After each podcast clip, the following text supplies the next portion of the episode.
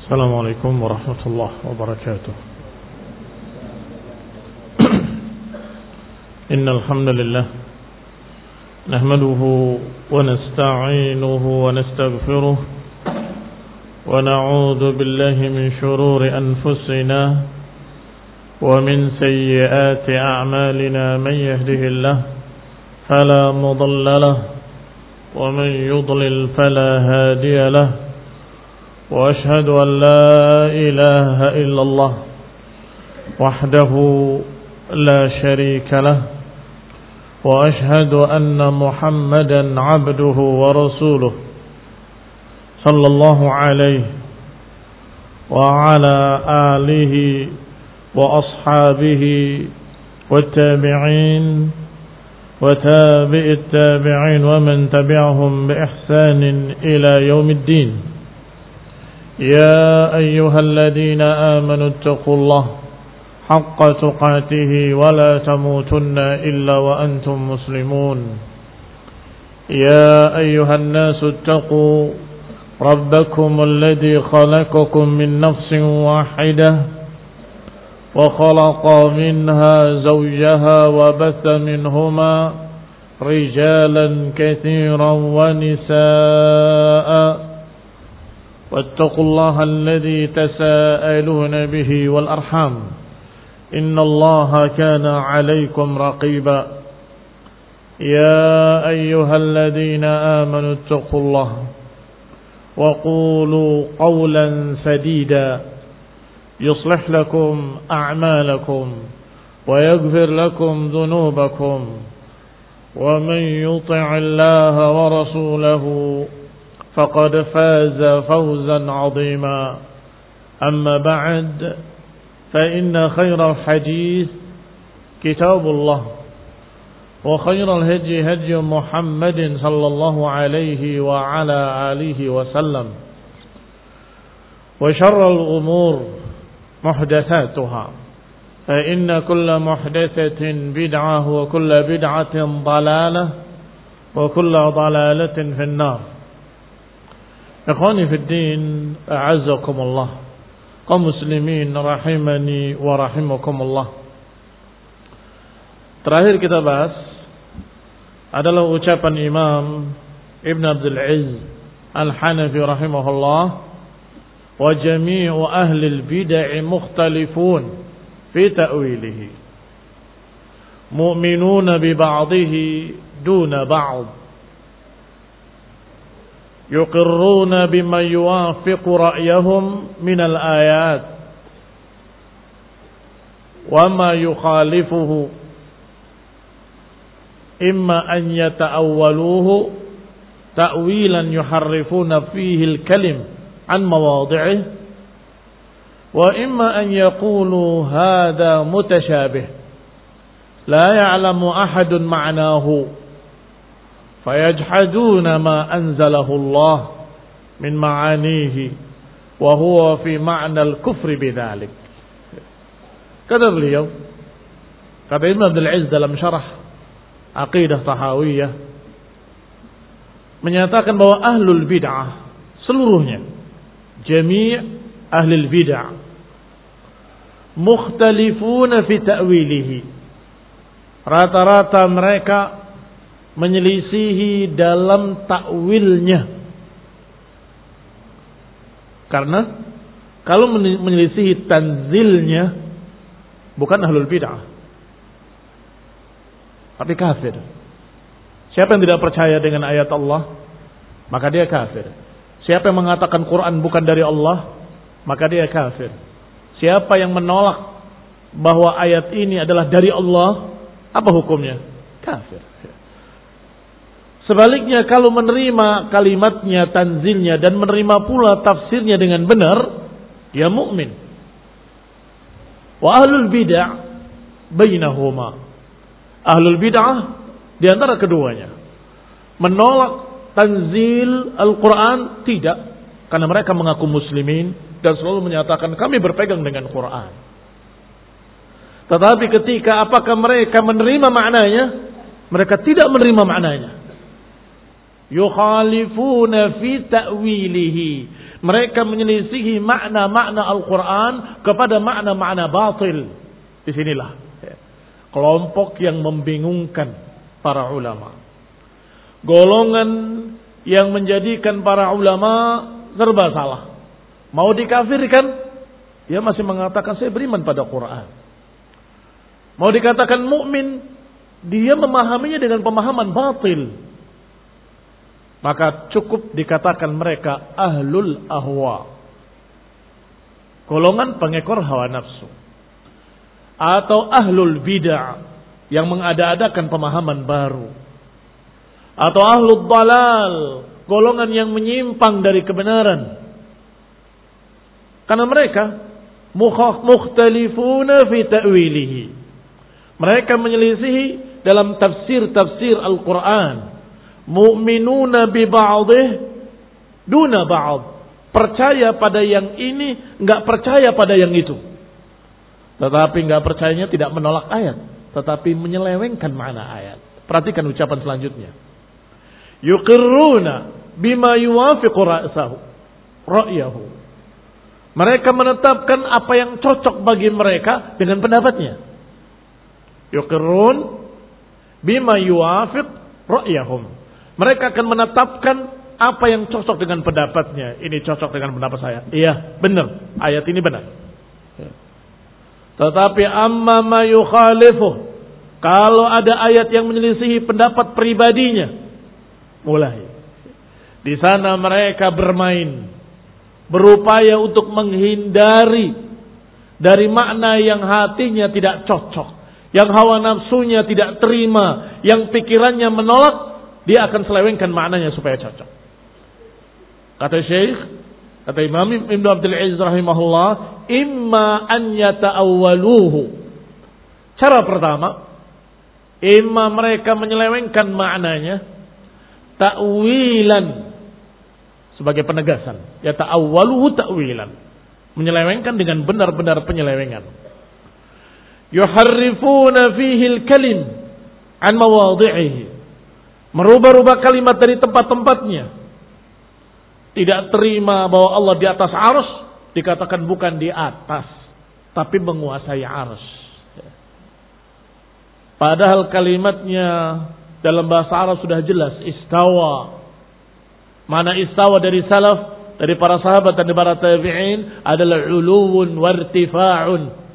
Tinggi di atas atau mustaqirrun. Menetap. Ini kalimat-kalimat yang ada dalam pemahaman salaf. Tetapi mereka menyatakan bukan, bukan. Bukan di atas, bukan menetap di atas arus, bukan. Mananya apa? Menguasai arus. Sedangkan Allah tidak di atas arus. Diselewengkan maknanya kepada makna batil yang tidak sesuai lah dengan Quran, tidak pula dengan sunnah. Ini cara pertama. Wa imma an yaqulu hadha mutasyabih la ya'lam ahadun ma'nahu. Atau cara kedua, mereka akan berkata bahwa ayat ini mutasyabih, samar-samar maknanya. La ya'lamu ahadun makna. Enggak ada yang mengetahui maknanya satu orang pun. Jadi bagaimana kalau enggak ada yang tahu seorang pun makna ayat ini? Ya sudah tolak aja. Katakan maknanya tidak tahu. Serahkan pada Allah Subhanahu wa taala. Yang pertama dijuluki ahlut ta'wil, yang kedua dijuluki ahlut tajhil. Mengapa dijuluki ahlut tajhil? Dari kata jahal, karena memang yang diajarkan adalah pembodohan. Ayat Al-Quran dikatakan maknanya tidak tahu. Dan tidak ada seorang pun yang tahu. Maka ayat ini diturunkan dalam keadaan tidak dipahami maknanya. Serahkan pada Allah. Tidak tahu. Wallahu alam. Untuk apa ayat itu diturunkan? Kalau gak ada seorang pun yang tahu maknanya. Ikhwani kaum muslimin rahimani wa rahimakumullah. Ini dipakai oleh Mu'tazilah dan juga dipakai oleh aklaniyun para rasionalis sepanjang masa. Bahkan terucap sarihah. Terucap dengan tegas dari tokoh aklani di Mesir yang bernama Muhammad Abduh. Yang menulis kitab Tauhid judulnya tetapi isinya ilmu kalam, mantiq. Dia berkata, "Idza ta'arada al-'aqlu wan-naqlu, faqaddima al-'aqlu, fabaqiya 'ala an-naqli tariqain, imma at-ta'wil wa imma at-tafwid." Dua ini tadi. Kata dia, kalau bertentangan antara akal dengan nukilan, maka utamakan akal. Wa baqiya 'ala an-naqli tariqain dan sisanya dari nukilan-nukilan Quran wa sunnah ada dua cara imma ta'wil wa imma tafwid katanya. Diselewengkan maknanya supaya cocok dengan akal atau ditafwid, maknanya tidak tahu. Terserah Allah Subhanahu wa taala. Saya tidak tahu, kami tidak tahu, tidak ada seorang pun yang tahu. Ikhwani fid din, a'azzakumullah kaum muslimin rahimani wa rahimakumullah. Dua cara ahlul dalal ini untuk menolak ayat adalah cara hampir seluruh ahlul bidah. Kalau nggak takwil, tafwil. Berkata Syekh selanjutnya, Ibn Abdul Aziz Al-Hanafi rahimahullah, "Fayajhaduna ma anzalahu Allah." Maka mereka secara tidak langsung menolak, menentang makna-makna yang terkandung dalam ayat itu. Allah di atas arasnya tidak tahu maknanya. Wallahu alam. Serahkan saja pada Allah SWT. Tidak ada seorang pun yang tahu. Nah terus, untuk apa ayat itu diturunkan? Yajhaduna ma'ani. Berarti mereka menentang makna-maknanya. Diterima lafaznya, ditolak maknanya. Wa huwa fi ma'nal kufri bidalik. Dan sesungguhnya perbuatan mereka ini semakna dengan pengingkaran. Semakna dengan kufur bidalik. Hanya saja kalau orang kafir menentang ayatnya secara langsung, ayat ini saya tidak percaya karena mereka kafir. Ayat ini bukan dari Allah. Atau seperti ucapan Syiah bahwa ayat-ayat ini ditambah-tambahkan oleh Abu Bakar wa Umar. Ayat ini sesungguhnya tidak ada dalam Quran. Dihapus satu surat, dibuang satu ayat oleh Syiah. Ini menentang terang-terangan. Tetapi haula ahlul ahwa'i wa ahlul dalal, ahlul bidah menerima lafaznya. Kami terima makna kami terima ayat ini, tetapi maknanya tidak tahu. Maknanya kami tidak bisa terima dengan akal. Maka wallahu alam maknanya apa? Saya nggak ngerti dan semua orang nggak ada yang tahu maknanya apa. Loh. Terus apa makna ayat Qur'anan Arabiyan la'allakum ta'qilun? Apa makna ayat kami turunkan Al-Quran bahasa Arab agar kalian paham? Apa makna ayat ini? Kalau kalian bilang tidak bisa dipaham. Wahuwa fi makna kufri. Maka ini pun semakna dengan kufur. Maka kita mendapatkan tiga golongan. Golongan pertama orang-orang beriman. Menerima lafadznya dan maknanya sekaligus. Yang kedua orang kafir. Yang menolak Lafadznya menolak maknanya. Dua-duanya mereka tolak. Yang ketiga ahlul bidah, ahlul ahwa. Menerima lafadznya, menolak maknanya. Emang ayat ini ayat Quran. Tapi maknanya tidak tahu. Saya tidak mau tahu. Nggak bisa dipaham. Terserah Allah. Kami nggak ngerti. Dan tidak ada seorang pun yang tahu maknanya. Ajib. Allah turunkan lafaz tanpa makna. Apakah Allah turunkan alfadun bighairi ma'ani? Ini tuduhan pada Allah Subhanahu wa taala. Kata Ibnu Abdul Izz rahimahullah selanjutnya. Li'anna al-iman bil lafzi bila ma'na huwa min jinsi imani ahli kitab. Kata beliau rahimahullah karena keimanan dengan lafadznya saja tanpa menerima maknanya, tanpa mau percaya maknanya, itu adalah sejenis dengan imannya ahlul kitab. Sejenis dengan imannya Yahudi. Apa kata Allah tentang Yahudi? Masalul ladina humilu tawrata thumma lam yahmiluha kamathalil himari yahmilu asfara. Kata Allah, permisalan mereka yang memikul Taurat tetapi tidak mau menerapkan makna-makna yang terkandung di dalamnya, maka permisalannya seperti himar, seperti keledai yang membawa kitab-kitab di atas punggungnya. Bagaimana keledai? Tetap keledai. Walaupun di punggungnya ada sahih Bukhari, ada sahih Muslim. Keledai tetap keledai. Walaupun di atas punggungnya ada Al-Quran dengan tafsirnya. Ada ahadis sahihah. Walaupun di punggungnya ada sekian banyak kitab-kitab. Keledai tetap dungu. Limada? Karena dia hanya memikul bendanya tetapi tidak memahami makna-maknanya. Ini Yahudi. Wahai kaum muslimin, jangan mengikuti jejak Yahudi. Jangan sampai kalian seperti dikatakan oleh Rasulullah SAW.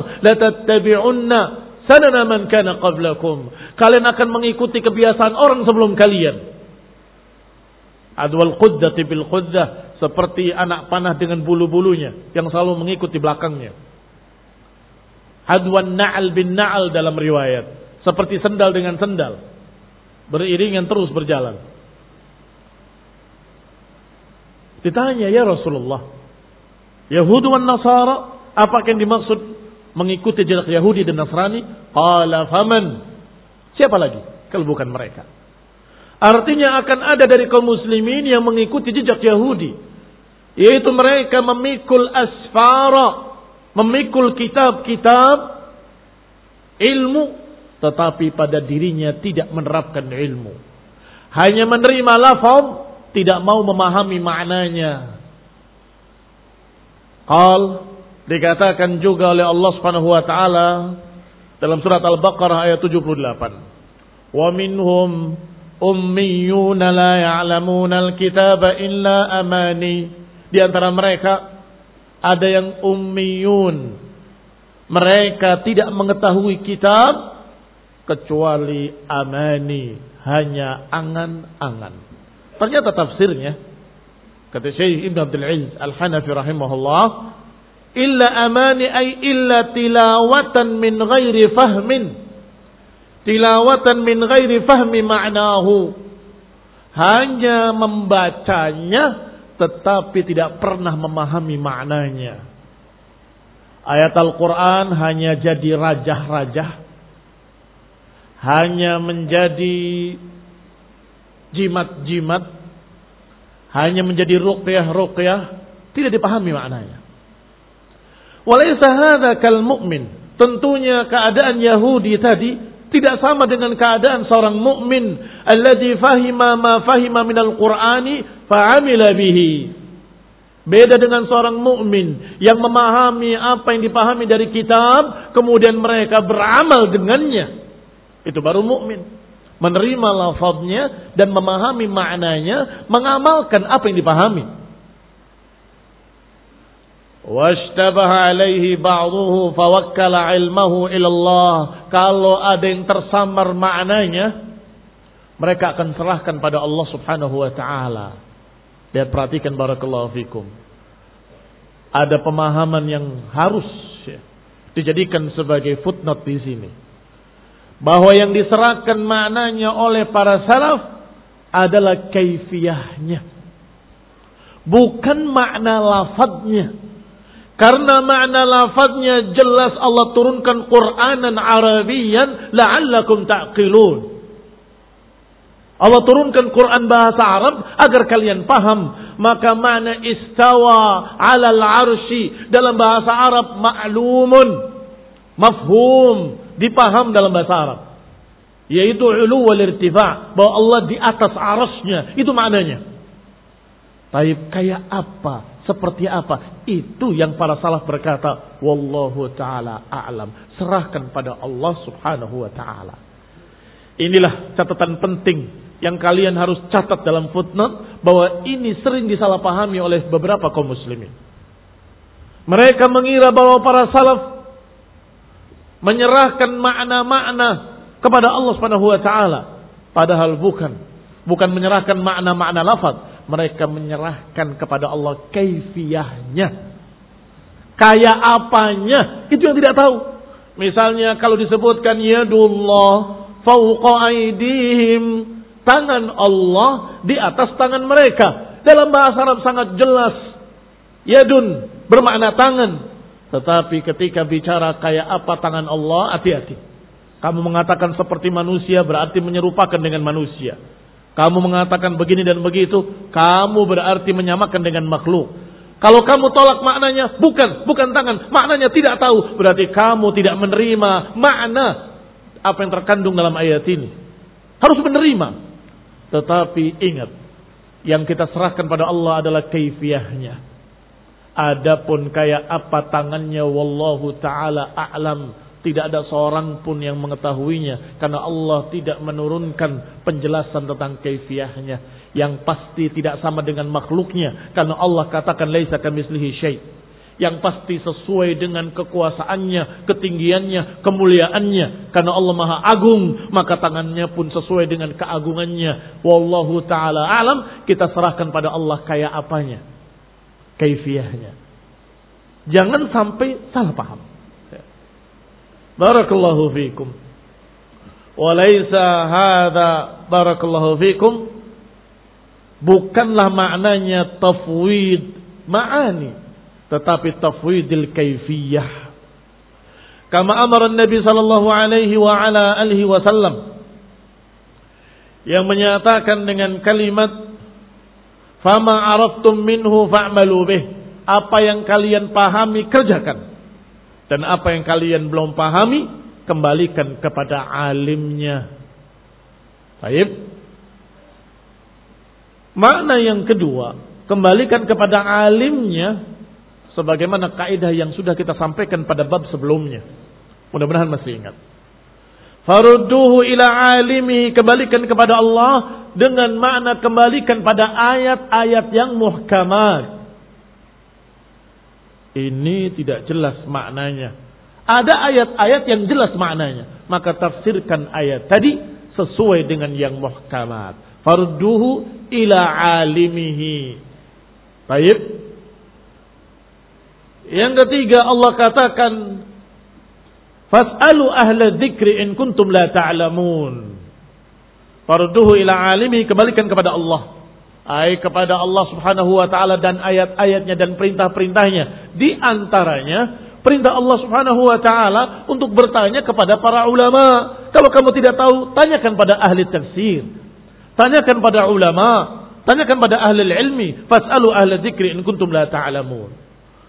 Famtasala ma amara bihi sallallahu alaihi wa ala alihi wasallam. Maka seorang mukmin mengamalkan apa yang Rasulullah perintahkan. Apa yang dipahami kerjakan, apa yang tidak pahami kembalikan pada Allah Subhanahu wa taala. Ini kembalikan pada ayat-ayat Allah yang muhkamat. Misalnya ketika kita menyatakan bagaimana? Kayak apa? Allah menyatakan wal ardu jami'an qabdatuhu. Bumi seluruhnya dalam genggaman Allah Subhanahu wa taala. Hati-hati. Kamu tidak tahu. Kayak apanya kamu tidak tahu. Maka serahkan pada Allah Subhanahu wa taala. Apa itu? Di antaranya ayat yang muhkamat yang menyatakan laisa kamislihi syai. Tidak serupa dengan apa pun. Tidak serupa dengan kamu menggenggam bola, tidak sama. Tidak serupa dengan kamu menggenggam sesuatu, tidak. Tidak sama. Karena Allah katakan dengan muhkam, laisa kamislihi syai'un. Wahuwa sami'ul basir. Dan dia maha mendengar lagi maha melihat. Sebagaimana kita katakan maha mendengar, maha melihat. Tidak sama dengan mendengarnya makhluk. Tidak sama dengan melihatnya makhluk. Demikian pula Allah menggenggam bumi dan menggulung langit. Tidak sama dengan kalian menggenggam bola atau kalian menggulung kertas. Tidak sama. Pasti sesuai dengan keagungannya, sesuai dengan ketinggiannya, sesuai dengan kemuliaannya. Walaysa kamislihi syait. Ini makna kembalikan kepada alimihi. Qala wa qawluhu. Kembali pada permasalahan yang baru. Wa qawluhu wa dinullahi fil ardi was sama'i wahid. Dan bahwasanya agama Allah di bumi dan di langit sama. Satu. Tidak berbeda. Wa huwa dinul Islam. Yaitu agama Islam. Ucapan Musannif rahimahullah wa huwa Abu Ja'far At-Tahawi rahimahullah. Kembali kepada matan. Qala Abu Ja'far At-Tahawi rahimahullah wa dinullah fil ardi was sama'i wahid. Wa huwa dinul Islam. bahwa agama Allah di langit dan di bumi sama, yaitu agama Islam. Kalau Allah Taala Inna dina indallahi islam Bahwa sesungguhnya agama di sisi Allah adalah Islam. Qala Ta'ala dan Allah berfirman, "Wa raditu lakumul Islam dinan." Aku ridha Islam sebagai agama kalian. Wa huwa bainal ghuluwi wat taqsir wa bainat tashbih wat ta'til wa bainal jabri wal qadr wa bainal amni wal iyas. Masya Allah. Ucapan yang memang yahtaj ila syarh. Ucapan yang membutuhkan penjelasan karena terkandung dalamnya sekian makna yang masya Allah. Rahimahullah wa ghafarallahu lahu. Kata beliau yaitu agama yang tengah-tengah di antara gulu wa taksir. Gulu itu ekstrim berlebihan. Taksir itu melalaikan dan berkurang-kurangan. Wa baina tashbihi wa ta'til. Dan tengah-tengah di antara tashbihi wa ta'til. Tashbih menyerupakan Allah dengan makhluk. Ta'til menolak sifat.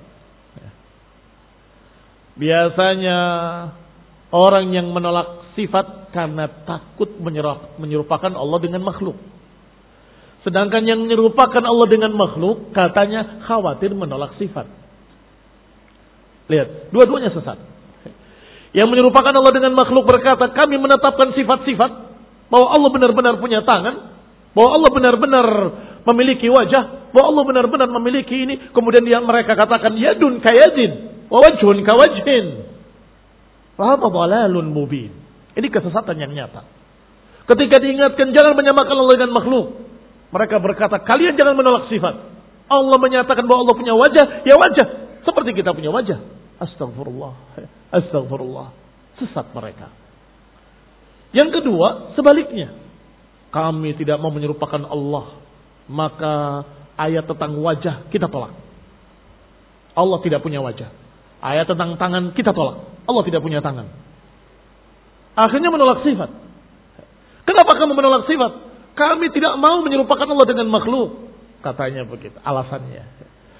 Maka yang namanya Islam tengah-tengah di antara keduanya. Menerima sifat-sifat Allah. Kalau Allah menyatakan wajhullah, kita juga mengatakan wajah Allah. Kalau Allah menyatakan yadullah, kita juga mengatakan tangan Allah. Hanya saja kita menyatakan wajah Allah tidak sama dengan makhluk. Tangan Allah tidak sama dengan makhluk. Sifat-sifat Allah seluruhnya tidak sama dengan makhluk. Wasatun bainahuma. Kata Abu Ja'far al-Tahawi rahimahullah, Qala baina tashbihi wa ta'til. Agama ini tengah-tengah di antara penolak-penolak sifat dan penyerupa-penyerupa sifat Allah dengan makhluk. Wa bainal jabri wal qadari.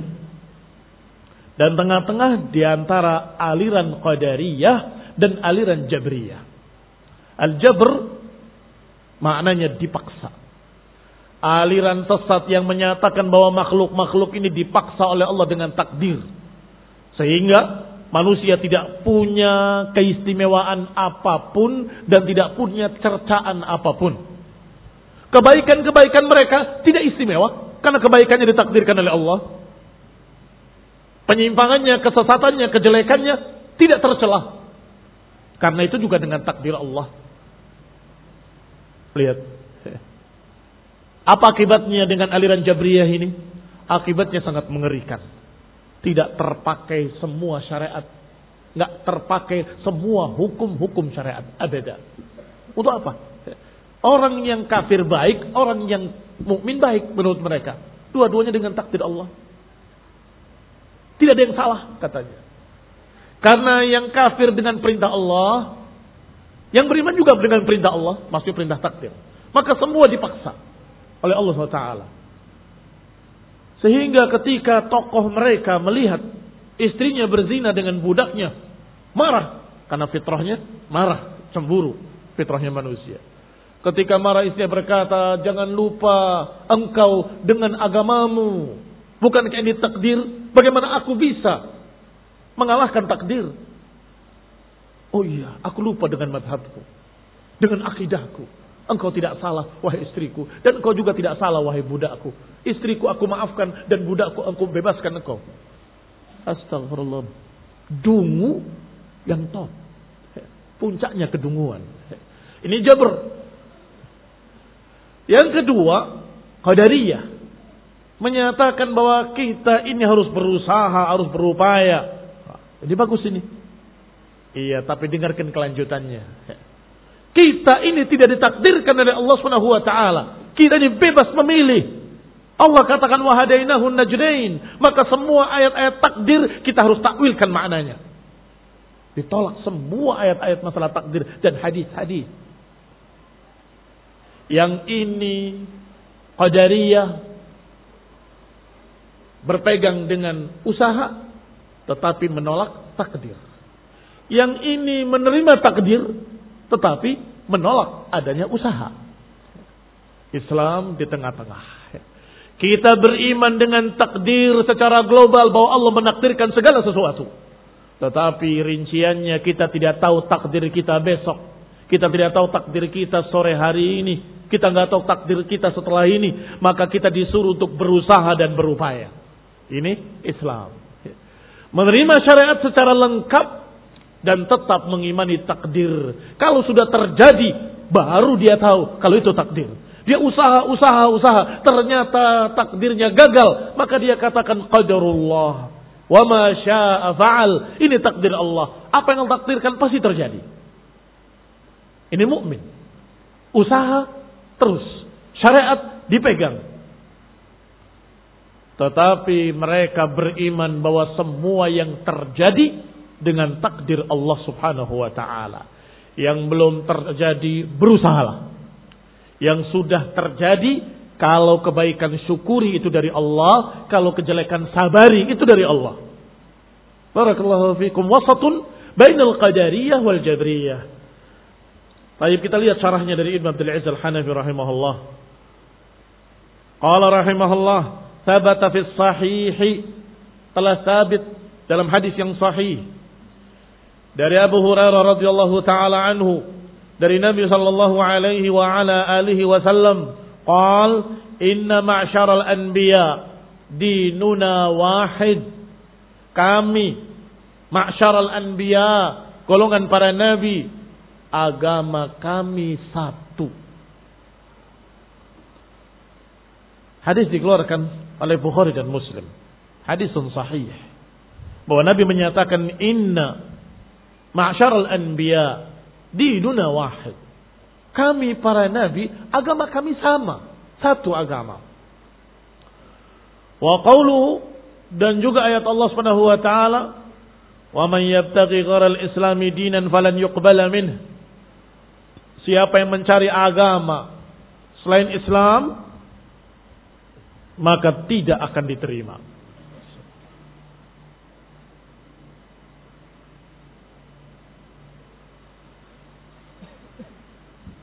Taib.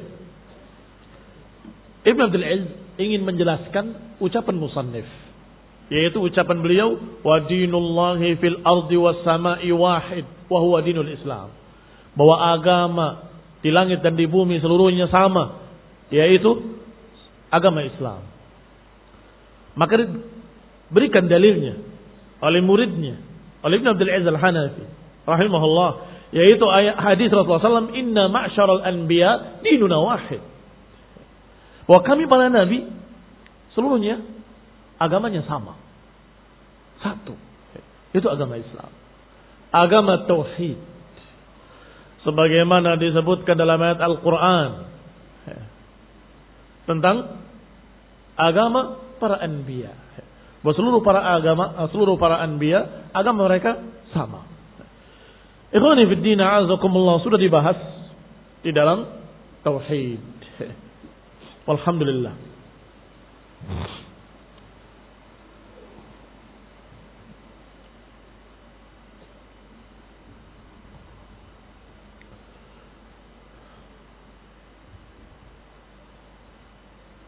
Wa qawluhu wa man yabtaghi ghayra al-islam dinan falan yuqbala minhu. Qala amun fi kulli zaman. Ayat ini sifatnya umum. Khatib Abdul Aziz rahimahullah. Sifatnya amun fi kulli zaman. Setiap masa, setiap zaman, siapa yang mencari agama lain selain Islam, maka dia tertolak. Di zaman Nabi Ibrahim, di zaman Nabi Ismail, di zaman Nabi Ishaq, di zaman Nabi Yaqub, di zaman Nabi Yusuf, Nabi Musa, Nabi Isa, di zaman seluruh para anbiya. Kalau mereka mencari agama lain selain Islam, tidak diterima. Wa kata Syekh Sulaiman al-Syekh bahwa Islam maknanya al-istislam lillahi wahdah. Islam maknanya al-istislam. Berserah diri, memasrahkan dirinya kepada Allah satu-satunya. Ini nama dari agama seluruhnya. Ma arsalnaka min rasulin illa nuhi ilaihi annahu la ilaha illa. Tidaklah kami utus orang rasul pun kecuali kami akan wahyukan kepadanya bahwa tiada ilah kecuali aku. Fa'buduni, maka beribadalah kepadaku. Apalagi ayatnya? Hah? Banyak ayat yang semakna dengan ini. Tidaklah kami utus seorang rasul pun kecuali kami wahyukan bahwa tiada ilah kecuali Allah. Berarti seluruh para rasul agamanya sama. Ikhwatun li Allah, seperti saudara sebapak berbeda ibu. Intinya tauhid seluruhnya. Hanya syariatnya yang disesuaikan oleh Allah Subhanahu wa taala dengan keadaannya masing-masing. Qala walakin syara'i' tatanawwa' tetapi syariatnya berbeda-beda. Agamanya sama. Semuanya mengatakan beribadalah pada Allah, beribadalah pada Allah, beribadalah pada Allah. Bahkan Allah rincikan dalam Al-Quran kisah para anbiya satu persatu. Dan Allah nukilkan dengan kalimat yang sama. Ya qaumi ibudullaha ma lakum min ilahin ghairuh. Berkata Nabi Musa, ya qaumi ibudullah. Berkata Nabi Hud, ya qaumi ibudullah ma lakum min ilahin ghairuh. Berkata Nabi Saleh, berkata Nabi Syuaib, berkata para anbiya, semuanya dengan kalimat yang sama Allah kisahkan. Ya qaumi ibudullaha ma lakum min ilahin ghairuh. Wahai kaumku, beribadalah kepada Allah. Tidak ada bagi kalian ilah kecuali dia. Satu agama. Hanya saja syariatnya Allah takdirkan, Allah perintahkan dengan berbeda-beda. Kata Allah, "Walikullin ja'alna minkum syir'atan wa minhaja." Masing-masingnya kami jadikan dari kalian syariat yang berbeda-beda. Syariatnya masing-masing. Di zaman Bani Israel diharamkan lemak. Nakalan min Allah sebagai azab buat mereka.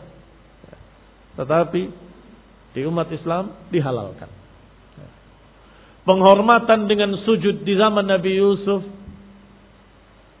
dibolehkan penghormatan dengan sujud. Sehingga bapak ibunya dan sebelas saudaranya semuanya sujud kepadanya sebagai sujud penghormatan. Tetapi di syariat kita tidak boleh menghormati dengan cara sujud. Demikianlah keadaan syariat. Tetapi mereka seluruhnya mengajarkan satu agama. Beribadalah kepada Allah dan jangan beribadah pada yang lain. Sembahlah Allah dan jangan menyembah yang lain. Ikutilah perintah-perintah Allah, jangan ikuti perintah yang lain. Ini barakallahu fikum, agama mereka sama. Wa dinul islami huwa ma syara'ahu Allah subhanahu wa ta'ala li'ibadihi ala alsuni rusulih maka makna agama Islam sama. Apa itu? Agama Islam adalah apa yang disyariatkan oleh Allah kepada hamba-hambanya melalui Rasulnya. Maka Islam di zaman Nabi Ibrahim adalah apa yang Allah syariatkan melalui lisan Nabi Ibrahim. Agama Islam di zaman Nabi Musa adalah beribadah kepada Allah dengan syariat yang Allah gariskan melalui lisan Nabi Musa. Dan begitulah seterusnya sampai Nabi terakhir. Maka Islam di zaman terakhir ini adalah beribadah pada Allah satu-satunya. Jangan beribadah pada yang lain sesuai dengan syariat yang diajarkan oleh Rasulullah Sallallahu Alaihi Wasallam. Hada huwa asluddin. Wa furu'uhu wa riwayatuhu 'anil rusul. Wa aslu din, maka prinsip agama Islam dan seluruh cabang-cabangnya adalah apa yang diriwayatkan dan diambil dari para anbiya. Wa huwa zahirun dhuhur Dan ini sangat tampak jelas, sejelas-jelasnya. Bahkan pada puncak kejelasannya. Ghayat adh-dhuhur. Yumkin kullu mumayyiz min saghirin wa kabir wa fasihin wa a'jami wa dhakiyin wa bali an yudkhila an yadkhula fihi bi aqsari zaman. Maka memungkinkan bagi setiap mumayyiz mumayyiz itu anak yang sudah berangkat dewasa atau sudah beranjak besar. Sebelum balik pun kalau sudah mumayyiz dia bisa paham inti agama ini. Tanya anak Agama Islam itu apa sih? Agama Islam itu nyembah Allah, ikut Nabi. Selesai. Mudah dipaham. Likulli mumayyiz. Bagi setiap orang yang sudah mumayyiz. Sagirin wa kabir. Apakah yang masih kecil? Ataupun yang sudah besar. Wa fasihin wa a'jami. Apakah yang fasih berbahasa Arab? Ataupun yang orang-orang asing. Non-Arab. Akan mudah memahami Islam. Tanyakan pada orang-orang yang bukan Arab, apa itu Islam? Akan paham. Wadakiyin wabalid. Dan juga bagi zakiyin wabalid. Yang cerdas ataupun yang maaf agak dungu. Akan paham. Asal jangan gila saja. Zaki yang cerdas. Balid yang ablah, yang kurang kurang cerdas. Ditanya apa Islam, akan paham. Menyembah Allah, ikut Nabi. Hanya itu. Dan mudah bagi mereka untuk masuk ke dalamnya. An yadkhula fihi, masuk dalam Islam. Bi zaman. Dengan singkat-singkatnya waktu. Dalam tempo yang sesingkat-singkatnya. Ya, saya masuk Islam.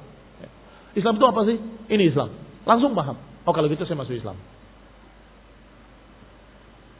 Wa innahu yaqa' al-khuruj minhu bi asra'a min dhalik. Tetapi terjadi.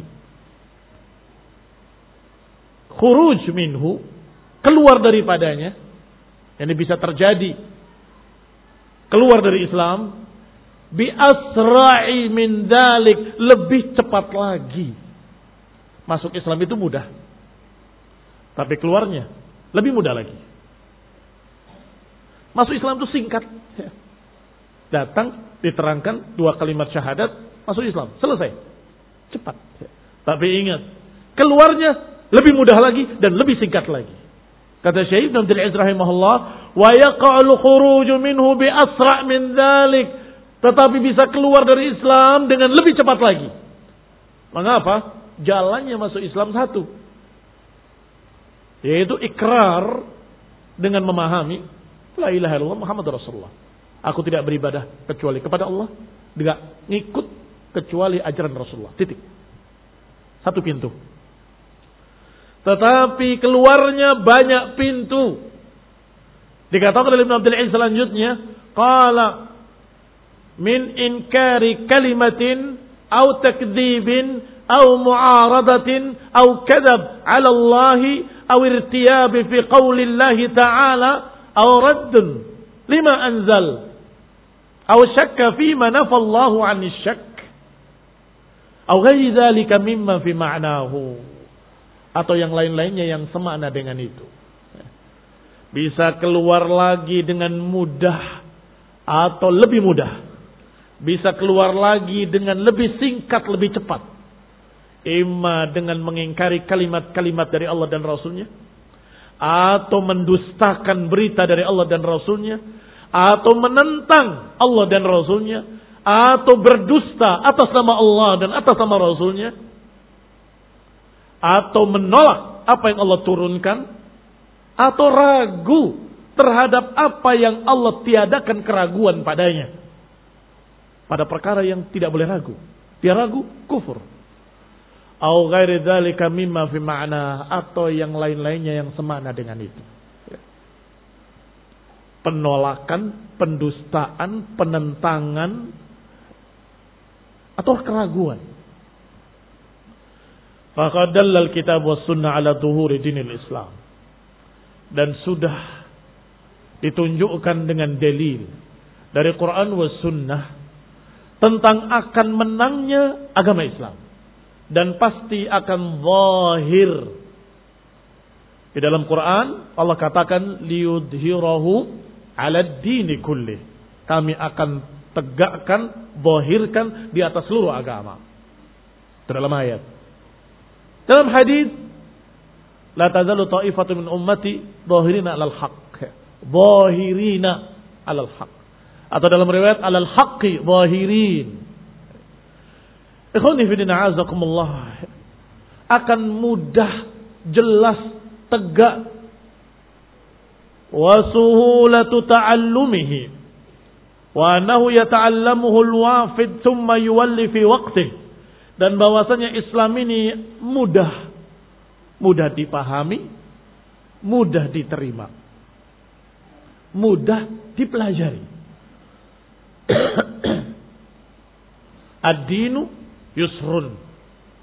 Wala yushadad din illa ghalabah. Itu satu. Atau Nabi katakan yassiru wala tu'assiru. Mudahkanlah dan jangan mempersulit. Atau dalam Al-Quran Allah menyatakan yuridullahu bikumul yusra. Wala yuridu bikumul usra. Allah menginginkan kemudahan bagi kalian. Allah tidak menginginkan kesusahan. Maka agama ini mudah. Suhulatu ta'allumihi. Mudah dipelajari. Wa annahu yata'allamuhu al-wafid thumma yuwalli fi waqtih. Bahwasanya agama ini akan dipelajari oleh orang yang datang sebagai wufud, utusan untuk masuk Islam. Saat itu diterangkan, saat itu diterima, saat itu beriman, kemudian pulang saat itu juga. Masya Allah. Kembali ke kaumnya. Sebagaimana ketika sudah Allah bukakan pintu dakwah. Ketika Allah Subhanahu wa taala mengatakan idza jaa nasrullah wal fath wa ra'aitan nas yadkhuluna fi dinillahi afwaja. Kamu lihat masuk Islam mereka manusia afwajan berbondong-bondong, berkelompok-kelompok, wufudan Bersuku-suku, suku demi suku datang. Utusan demi utusan datang, kami masuk Islam, kami masuk Islam, kami masuk Islam. Datang sebentar dijelaskan masuk Islam, pulang. Mudah dipaham agama ini. واختلاف تعليم النبي صلى الله عليه وسلم في بعض الألفاظ بحسب من يتعلم dan juga Berbeda-beda cara Nabi mengajarkannya. Dalam beberapa lafat-lafat yang ringkas. Sesuai dengan siapa yang belajarnya. Man yata'allam. Bihasbi man yata'allam. Sesuai dengan siapa yang belajar. Kalau datang satu suku berkata antara kami dengan kaummu ada suku mudar Kami nggak bisa datang ke sini kecuali pada pada saat-saat tertentu saja. Mungkin setahun cuma sekali. Terangkan pada kami, apa itu Islam? Nabi menjelaskan. Ya.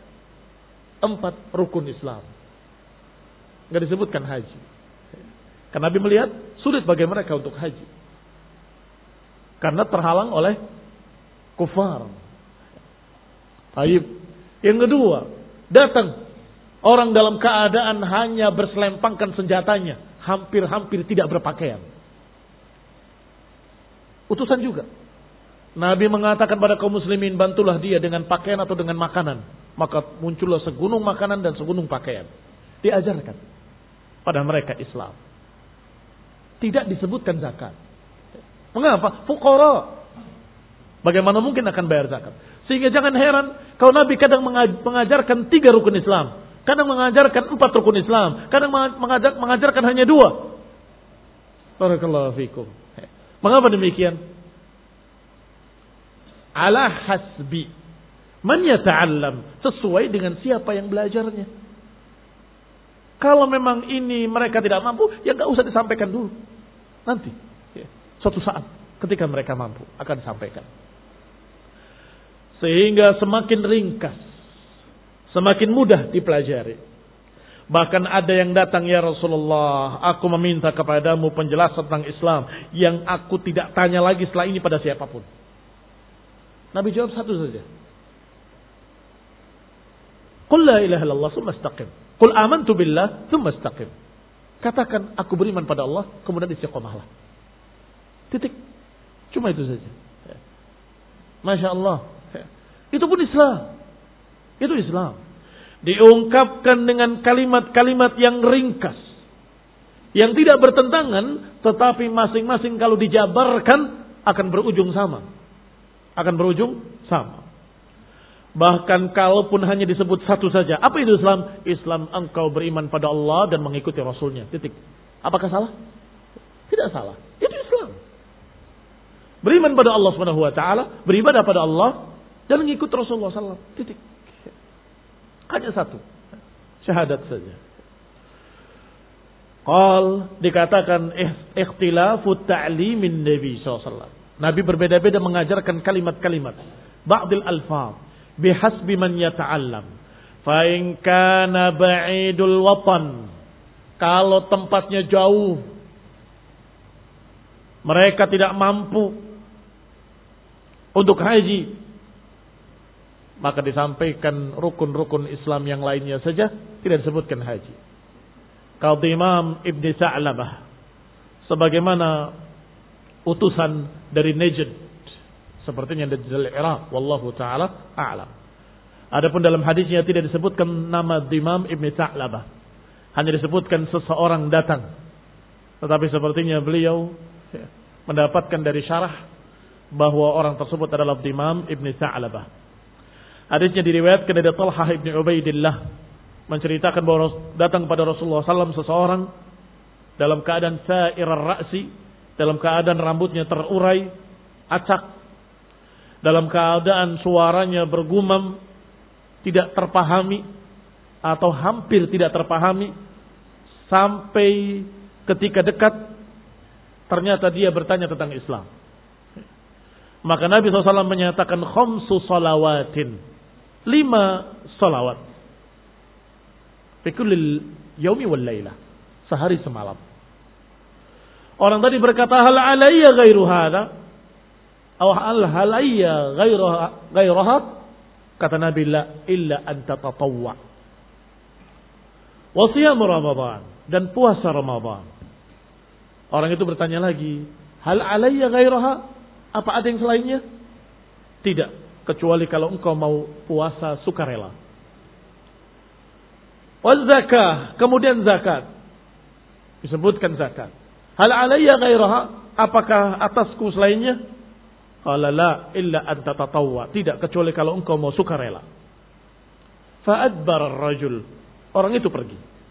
Dan berkata, Wallahi la azidu ala hada wala anqus. Demi Allah, aku tidak nambah, aku tidak ngurangi aku akan kerjakan persis seperti itu. Sahabat, ada yang berkata, ya Rasulullah, ini orang munafik. Kata Nabi tidak. Aflaha in sadaq. Dia akan baik, akan mendapatkan falah kalau konsekuen. Konsekuen dengan tiga tadi, masuk jannah insya Allah. Syahadat, puasa bulan Ramadan, salat lima waktu, dan zakat. Kalau dia mampu, zakat. Aflaha in sadaq kata Nabi. Dia akan mendapatkan falah in sadaq kalau dia konsekuen. Baik, kembali kepada kitab.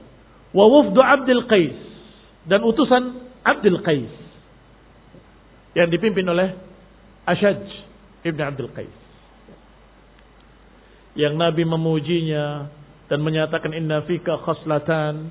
Sesungguhnya padamu ada dua sifat yuhibbuhum Allah yang Allah suka kepadanya.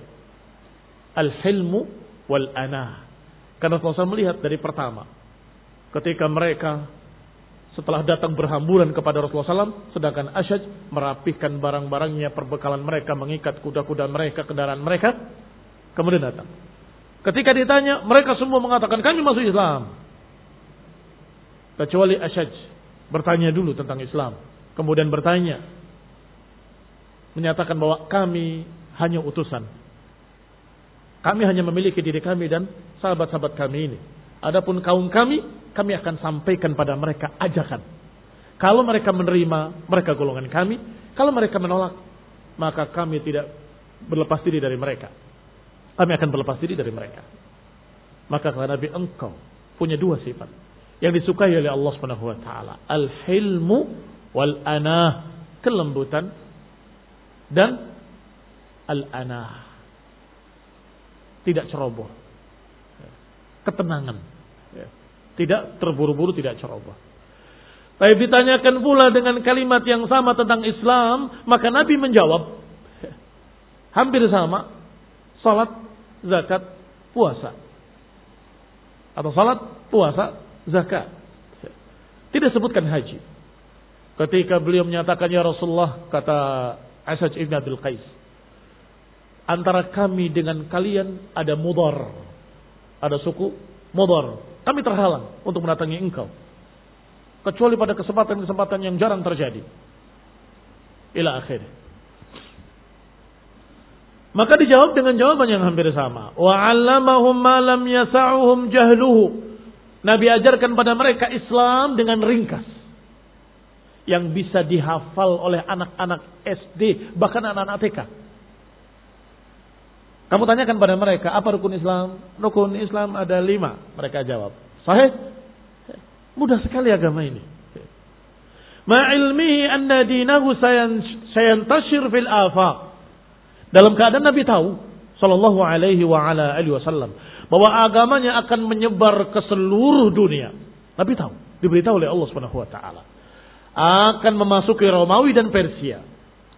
Akan memasuki timur dan barat wa yursil ilaihim man yufaqihuhum fi sairi ma yahtajuna ilaihi. Namun Nabi pun mengutus utusan-utusan. Ya, setelah menjawab dengan ringkas, Nabi mengirim utusan-utusan untuk mengajarkan kepada mereka fikih agama. Di antara yang diutus ke Yaman adalah Mu'ad. Ya Mu'ad. Sesungguhnya engkau akan mendatangi satu kaum dari ahli kitab karena diutus ke Yaman. Falyaj'al awwala ma tad'uhum ilaihi syahadatu an la ilaha illallah. Fa'inhum kalau mereka sudah mengikrarkan dengan itu fa'alimhum anna Allah farada alaihim khamsa salawat fi kulli yawmin wa laylah. Kalau mereka sudah mengerjakannya wa'alimhum anna Allah tarada alaihim sadaqatan. Disebutkan sadaqah. Yukhad min agniyaihim wa turaddu ala fuqaraihim. Kembali yang disebut adalah beberapa rukun-rukun Islam. Syahadat, salat, zakat. Atau puasa. Atau kadang dengan haji. Kadang-kadang tidak disebutkan zakat dengan haji. Karena disebutkan yang semua bisa. Adapun zakat dan haji bagi yang mampu. Zakat bagi yang mampu, haji bagi yang mampu. Wa man kana qaribul watan. Adapun mereka-mereka yang dekat tempatnya, yumkinuhul ityan kulla waqtin bisa mendatangi Nabi setiap saat. Bihaitsu yata'allam ala tadrij sehingga bisa belajar dengan bertahap. Ala tadrij. Tadrij ini bertahap. Atau kana qad alima fihi annahu qad arafa ma la budda minhu. Atau dia sudah tahu apa yang mesti dia ketahui. Ajabahu bihasbi halih maka nabi akan menjawab pertanyaan mereka sesuai dengan keadaannya. Sehingga itu bukan ikhtilaf tabad bukan ikhtilaf yang bertentangan ini tanya tentang Islam. Hadis ini bertanya tentang Islam. Hadis ini bertanya tentang Islam. Hadis ini bertanya tentang Islam. Semuanya riwayat Bertanya tentang Islam. Apakah riwayat tentang wufud Abdul Qais? Apakah wufud Dimam Ad-Najdi? Apakah wufud dari Mudar? Atau wufud dari yang lainnya? Semuanya bertanya tentang Islam. Tapi jawabannya berbeda-beda, tidak sama. Apakah taban? Tidak. Masing-masing Rasulullah ringkaskan Islam sesuai dengan siapa yang diajak bicara. Apakah orang jauh atau orang dekat? Apakah orang yang bisa datang segera kembali atau orang yang tidak bisa datang kecuali tahun depan? Di musim yang sama. Maka Nabi akan jawab berbeda. Sesuai dengan hajatnya sesuai bihasbi halihi, sesuai dengan keadaannya, wa bihasbi hajatihi dan sesuai dengan hajatnya. Bahkan kalau orang itu dekat, minta nasihat, ausini, berikan wasiat kepadaku, Nabi tahu orang ini dekat dan besok akan bisa bertanya dengan pertanyaan yang lain. Minta wasiat, maka diberikan yang paling penting buat dia secara khusus. La jangan marah. Raddada miraran, mengulang-ulangi ausini ya Rasulullah berikan wasiat. Nabi mengulangi jawabannya yang sama. La taghdab. Jangan marah jangan marah jangan marah. Bisa jadi Rasulullah SAW tahu. Orang ini paling baik paling bagus kalau dia bisa menjaga amarahnya. Seringnya begini dan begitu karena amarahnya. Maka Nabi menasihati satu nasihat saja. Bukan berarti cuma satu ini. Nasihat-nasihat yang lain juga perlu tetapi Nabi tahu keadaan orang ini saat itu memerlukan nasihat tersebut. Radhiyallahu taala anhu wa maka dia menyatakan la taghdab, la taghdab, la taghdab.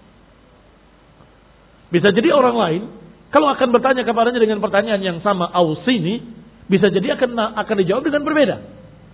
Karena keadaannya juga berbeda. Nabi akan menyatakan usikum bitaqwallah wasami wa ta'ah Wa in ta'amara alaikum 'abdun habasyi.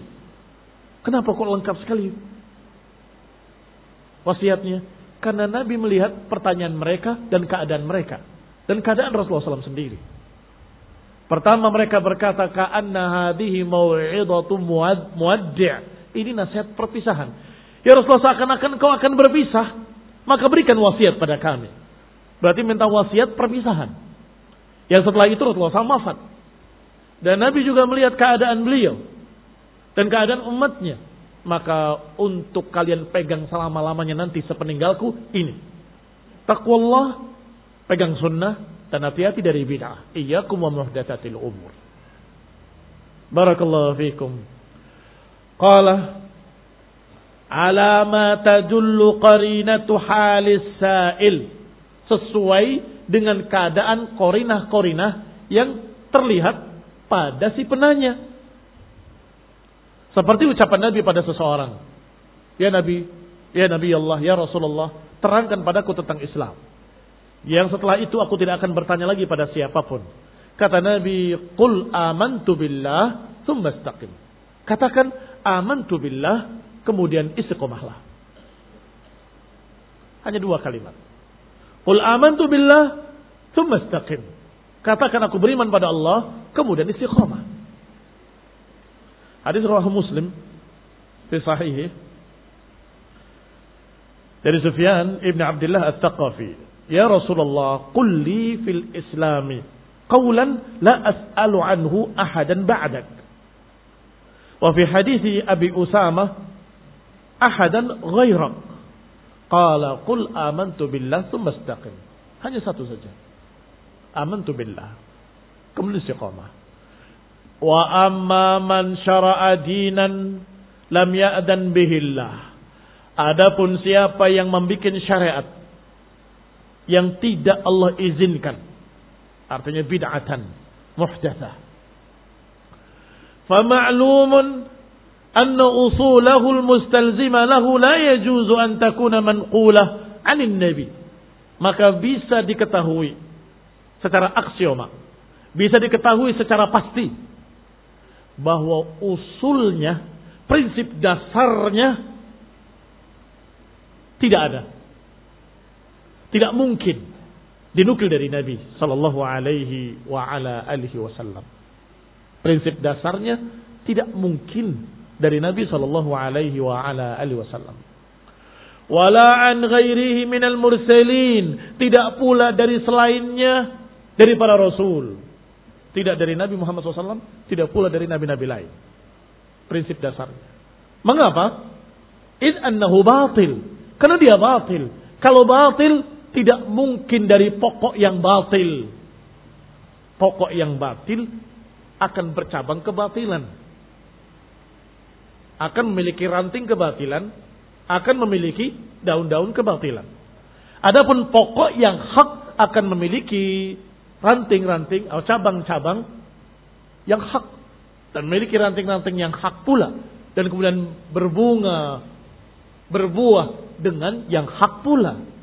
Barakallahu fikum. Kalau ada seorang mengadakan kebid'ahan muhdasa, pasti prinsip dasarnya bukan hak. Misal ada seseorang membuat ibadah baru yang aneh. La fil Quran wala fil sunnah. Batil. Baik, kita tanyakan, prinsip kamu apa sih? Pasti batil. Apakah prinsip kamu berpegang dengan Quran wa sunnah? Kalau jawab iya, ini dari mana? Ini gak ada dalam Quran, gak ada dari sunnah. Pasti akan berkata, bukan maksud kami bahwa semua yang baik-baik boleh dipakai. Itu prinsip batin. Tidak mesti. Kebaikan itu apa yang ada dalam Quran was sunnah. Kebaikan itu apa yang diajarkan oleh Rasulullah SAW. Atau berkata, tidak mengapa, karena ini dari syekh kami, Syekh kami itu adalah waliun min illah. Bahwa wali itu boleh membuat syariat. Seperti akidahnya Syiah. Imam atau wali bisa bikin syariat baru. Boleh merubah. Boleh menambah. Itu prinsip batil. Berarti kebidahan kamu tadi lahir dari prinsip yang batil pula. Cabang-cabang yang batil, buah yang batil muncul dari pohon yang batil pula. Lihat kata beliau, tidak mungkin dari Nabi SAW prinsip dasarnya. Tidak mungkin pula dari para anbiya. Para anbiya prinsipnya sama. Ani'budullaha wattaquhu wa ati'un. Allah kisahkan dengan kalimat yang sama. Ani'budullaha wattaquhu wa ati'uni. Beribadalah pada Allah. Bertakwalah kepadanya. Dan taati aku. Ikuti aku. Kamu beribadah pada siapa? Pada Allah. Tapi nuruti siapa? Nuruti Rasul ini tidak ada dalam sunnah, bid'ah. Ya. Berarti bukan nuruti Rasulullah. Ini barakallahu fikum dikatakan id huwa batilun wa malzumul batil batil kama anna lazimul haqqi haqqun. Prinsipnya, kaidahnya malzumul batil batilun. Malzumul batili batilun. Kama anna lazimul haqqi haqqun. Sebagaimana konsekuensi dari batil adalah kebatilan, demikian pula konsekuensi dari hak kebenaran adalah kebenaran pula. Kalau prinsip dasarnya batil, cabang-cabangnya akan batil. Kalau prinsip dasarnya hak, cabang-cabangnya akan hak. Kalau muncul cabang-cabangnya batil, pasti prinsip dasarnya batil pula. Berarti ada kerusakan pada usulnya. Wa qawluhu, ucapan berikutnya. Bahwa agama ini bainal ghuluwi wat taqsir. Agama ini di antara al-ghulu wat taqsir. Tadi sudah sedikit diterangkan pada matanya. Ghulu artinya ekstrim, melampaui batas. Taksir sebaliknya. Melalaikan, menyia-nyiakan, mengurang-urangi. Allah Subhanahu wa taala berfirman, "Qul ya ahlal kitab la taghlu fi dinikum ghairal haqq." وقال تعالى يا أيها الذين آمنوا لا تحرموا طيبات ما أحل الله لكم ولا تعتدوا إن الله لا يحب المعتدين. وكلوا مما رزقكم الله حلالا طيبا واتقوا الله الذي أنتم به مؤمنون. Ayat pertama dalam surat Al-Maidah ayat 77 Katakan wahai ahlul kitab la taghlu fi dinikum ghairal haq jangan kalian ghulu melampaui batas berlebih-lebihan ekstrim tanpa kebenaran. Yang berlebihan keluar dari kebenaran. Wa qala ta'ala ayat kedua Allah berfirman ya ayyuhalladzina amanu wahai orang yang beriman la tuharrimu. Jangan mengharamkan kebaikan-kebaikan yang Allah halalkan. Wala ta'tadu. Jangan melampaui batas. Jangan berlebih-lebihan. Allah la yuhibbul mu'tadin. Allah enggak suka sesuatu yang melampaui batas. Ini juga gulu, ekstrim. Mengharamkan yang halal. Yang Allah tidak haramkan. Nabi tidak haramkan, mereka mengharamkan.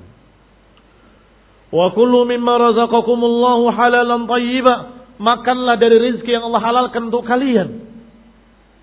Yang baik-baik. Wattaqullah dan bertakwalah kepada Allah. Alladhi antum bihi mu'minun. Yang kalian kepadanya beriman.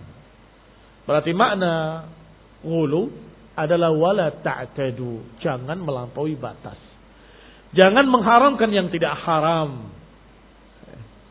Jangan berlebihan, berlebihan.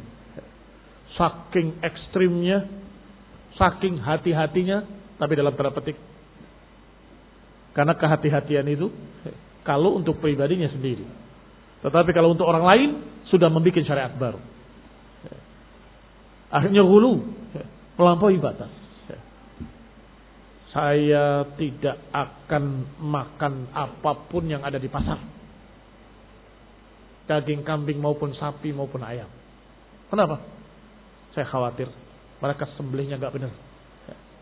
Kalau saya mau makan sapi, saya beli sapi, saya potong sendiri. Itu kehati-hatian yang bagus sesungguhnya.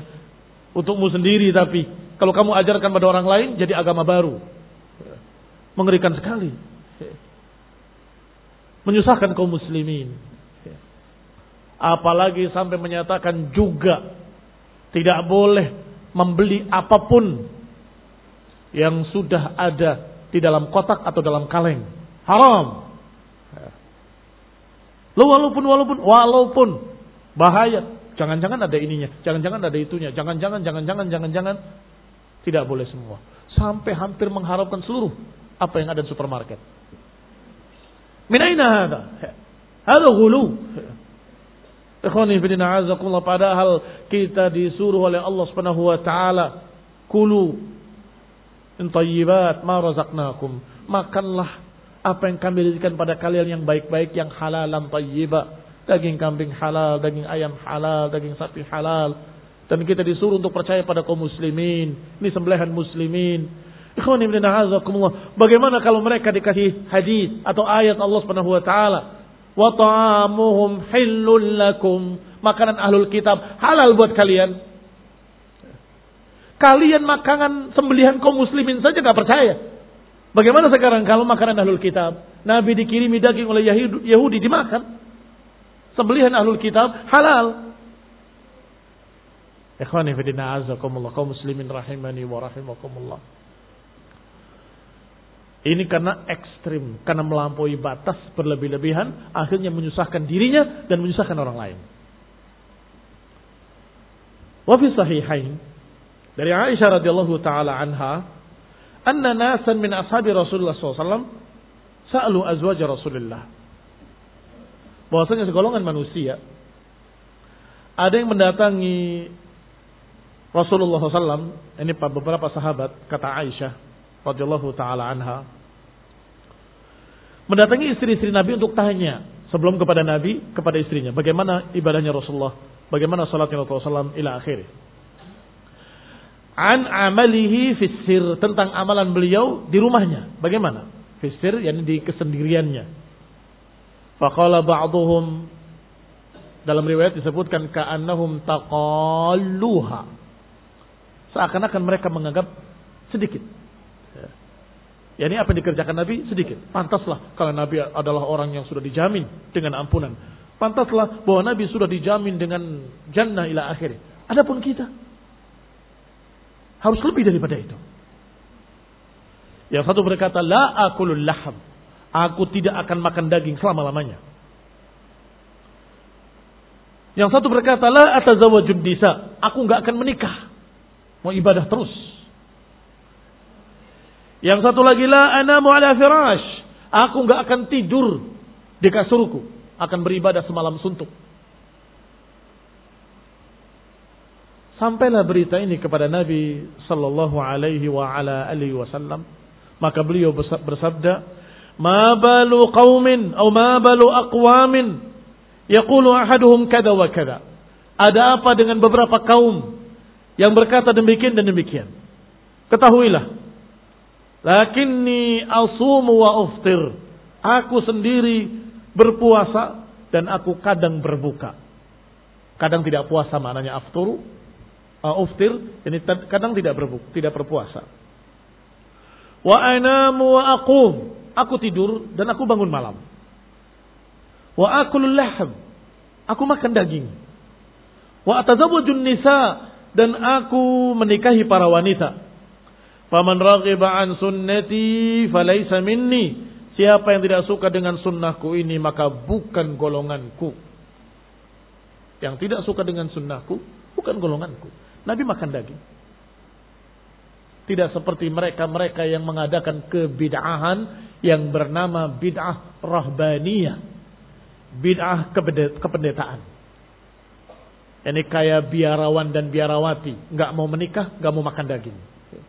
Ditanya, kenapa enggak, engkau tidak mau makan daging? Sebagaimana disebutkan dalam riwayat, di dalam kitab Al-Iqtisam, Imam Syatibi. Kenapa engkau tidak makan daging? Sahabat tadi menjawab, Ya Rasulullah, Inni ida akulul laham antashiru ilan nisa. Aku kalau makan daging, syahwatku naik dan aku pikiranku selalu kepada para wanita. Apa jawab Nabi SAW dalam riwayat tersebut yang dinukilkan oleh Imam oleh Imam Syatibi dalam kitab Al-Iqtisam. Qala sallallahu alaihi wasallam, "Kulil laham wasum." Makan daging dan puasa. Jangan tidak makan daging, makan daging. Tapi iringi dengan puasa. Namanya puasa wija. Kalau yang mungkin belum punya istri. Artinya dia antasyiru nisya, bahaya. Karena belum nikah. Aku kalau makan daging, antasyiru ilan nisa. Syahwatku naik dan pikiranku pada wanita. Maka berpuasalah, makanlah daging dan berpuasalah. Faman lam yastati' fa'alaihi bisawm. Siapa yang tidak mampu menikah, atasnya untuk berpuasa. Jangan kayak haula sufiyin. Jangan seperti mereka para rohbaniyin. Tidak mau makan daging. Makan. Tapi puasa. Puasa Senin Kemis misalnya. Puasa tiga hari sebulan misalnya. Ayamil biyud. Atau puasa Daud. Nah. Fa innahu lahu wija' Karena itu akan menjadi wija, akan menjadi tameng. Adapun mereka yang sudah menikah, ya alhamdulillah. Kalau dia antasir ilan nisa, dia punya istri, bisa banyak bersedekah pada istrinya. Maka jangan dagingnya yang disalahkan atau dijadikan haram baginya. Baik, juga disebutkan wa ana atazawwajun nisa. Beberapa tokoh sufi seperti Abdurrahim Tahan. Ketika pernah ngajar di Indonesia di Libya dia menyatakan bahwa seorang talibul ilmi ketika menikah uh, seorang talibul ilmi berada di atas perahu. Ketika dia menikah maka pecah perahunya. Ketika dia punya anak berkeping-keping kayu-kayu yang tidak akan ada yang bisa menyelamatkan dia. Menggambarkan betapa bahayanya menikah. Bahkan sebagian mereka ada yang menyatakan seorang yang mutadayyin atasnya untuk menjauhi nikah. Karena itu masyghalatun, majbanatun, membawa hadis. Tetapi tidak sesuai dengan apa yang dimaukan oleh Nabi sallallahu alaihi wasallam. Nabi ketika menyatakan bahwa anak istri itu adalah majbanatun wa mabkhalatun, membuat kamu jadi penakut, membuat kamu jadi pengecut, menjadikan kamu menjadi sibuk, masyghhalah, menyibukkan kamu. Ini maknanya hendaklah kalian berhati-hati, waspada dengan mereka. Jangan sampai mengalahkan kamu dalam ibadah. Itu saja. Bukan maknanya jangan menikah. Tapi mereka bawakan riwayat itu untuk menyatakan jangan menikah. Sedangkan hadis menyatakan tazawwaju al-wadudul walud, menikahlah kalian dengan peranak. Wanita yang penyayang dan peranak, yang banyak anaknya. Ini barakallahu fikum bertentangan dengan ajaran sufi yang menyatakan jangan menikah. Sehingga ucapan Nabi dengan ucapan Nabi tidak bertentangan. Ucapan yang sahih dengan ucapan yang sahih, riwayat yang sahih dengan riwayat yang sahih tidak mungkin bertentangan. Di sini menyuruh, ya ma'syar syabab, man istata'a minkumul ba'af, falyatazawwaj. Di sini menyatakan bahayanya istri kalau tidak terdidik dengan baik. Bahayanya anak-anak kalau tidak terdidik dengan baik. Mereka bisa menjadikan kalian yang tadinya karim, banyak memberi ketika menikah, jadi bakhil. Yang tadinya banyak bersadaqah ketika punya anak, jadi bakhil. Ila akhir. Yang tadinya dia berani berjihad visabilillah ketika punya istri punya anak, nanti bagaimana anak saya, nanti bagaimana istri saya, jadi pengecut. Masya Allah menyibukkan yang tadinya dia semangat talabul ilmi, semangat menghafal, jadi malas menghafal, jadi malas. Ini peringatan, bukan berarti jangan menikah.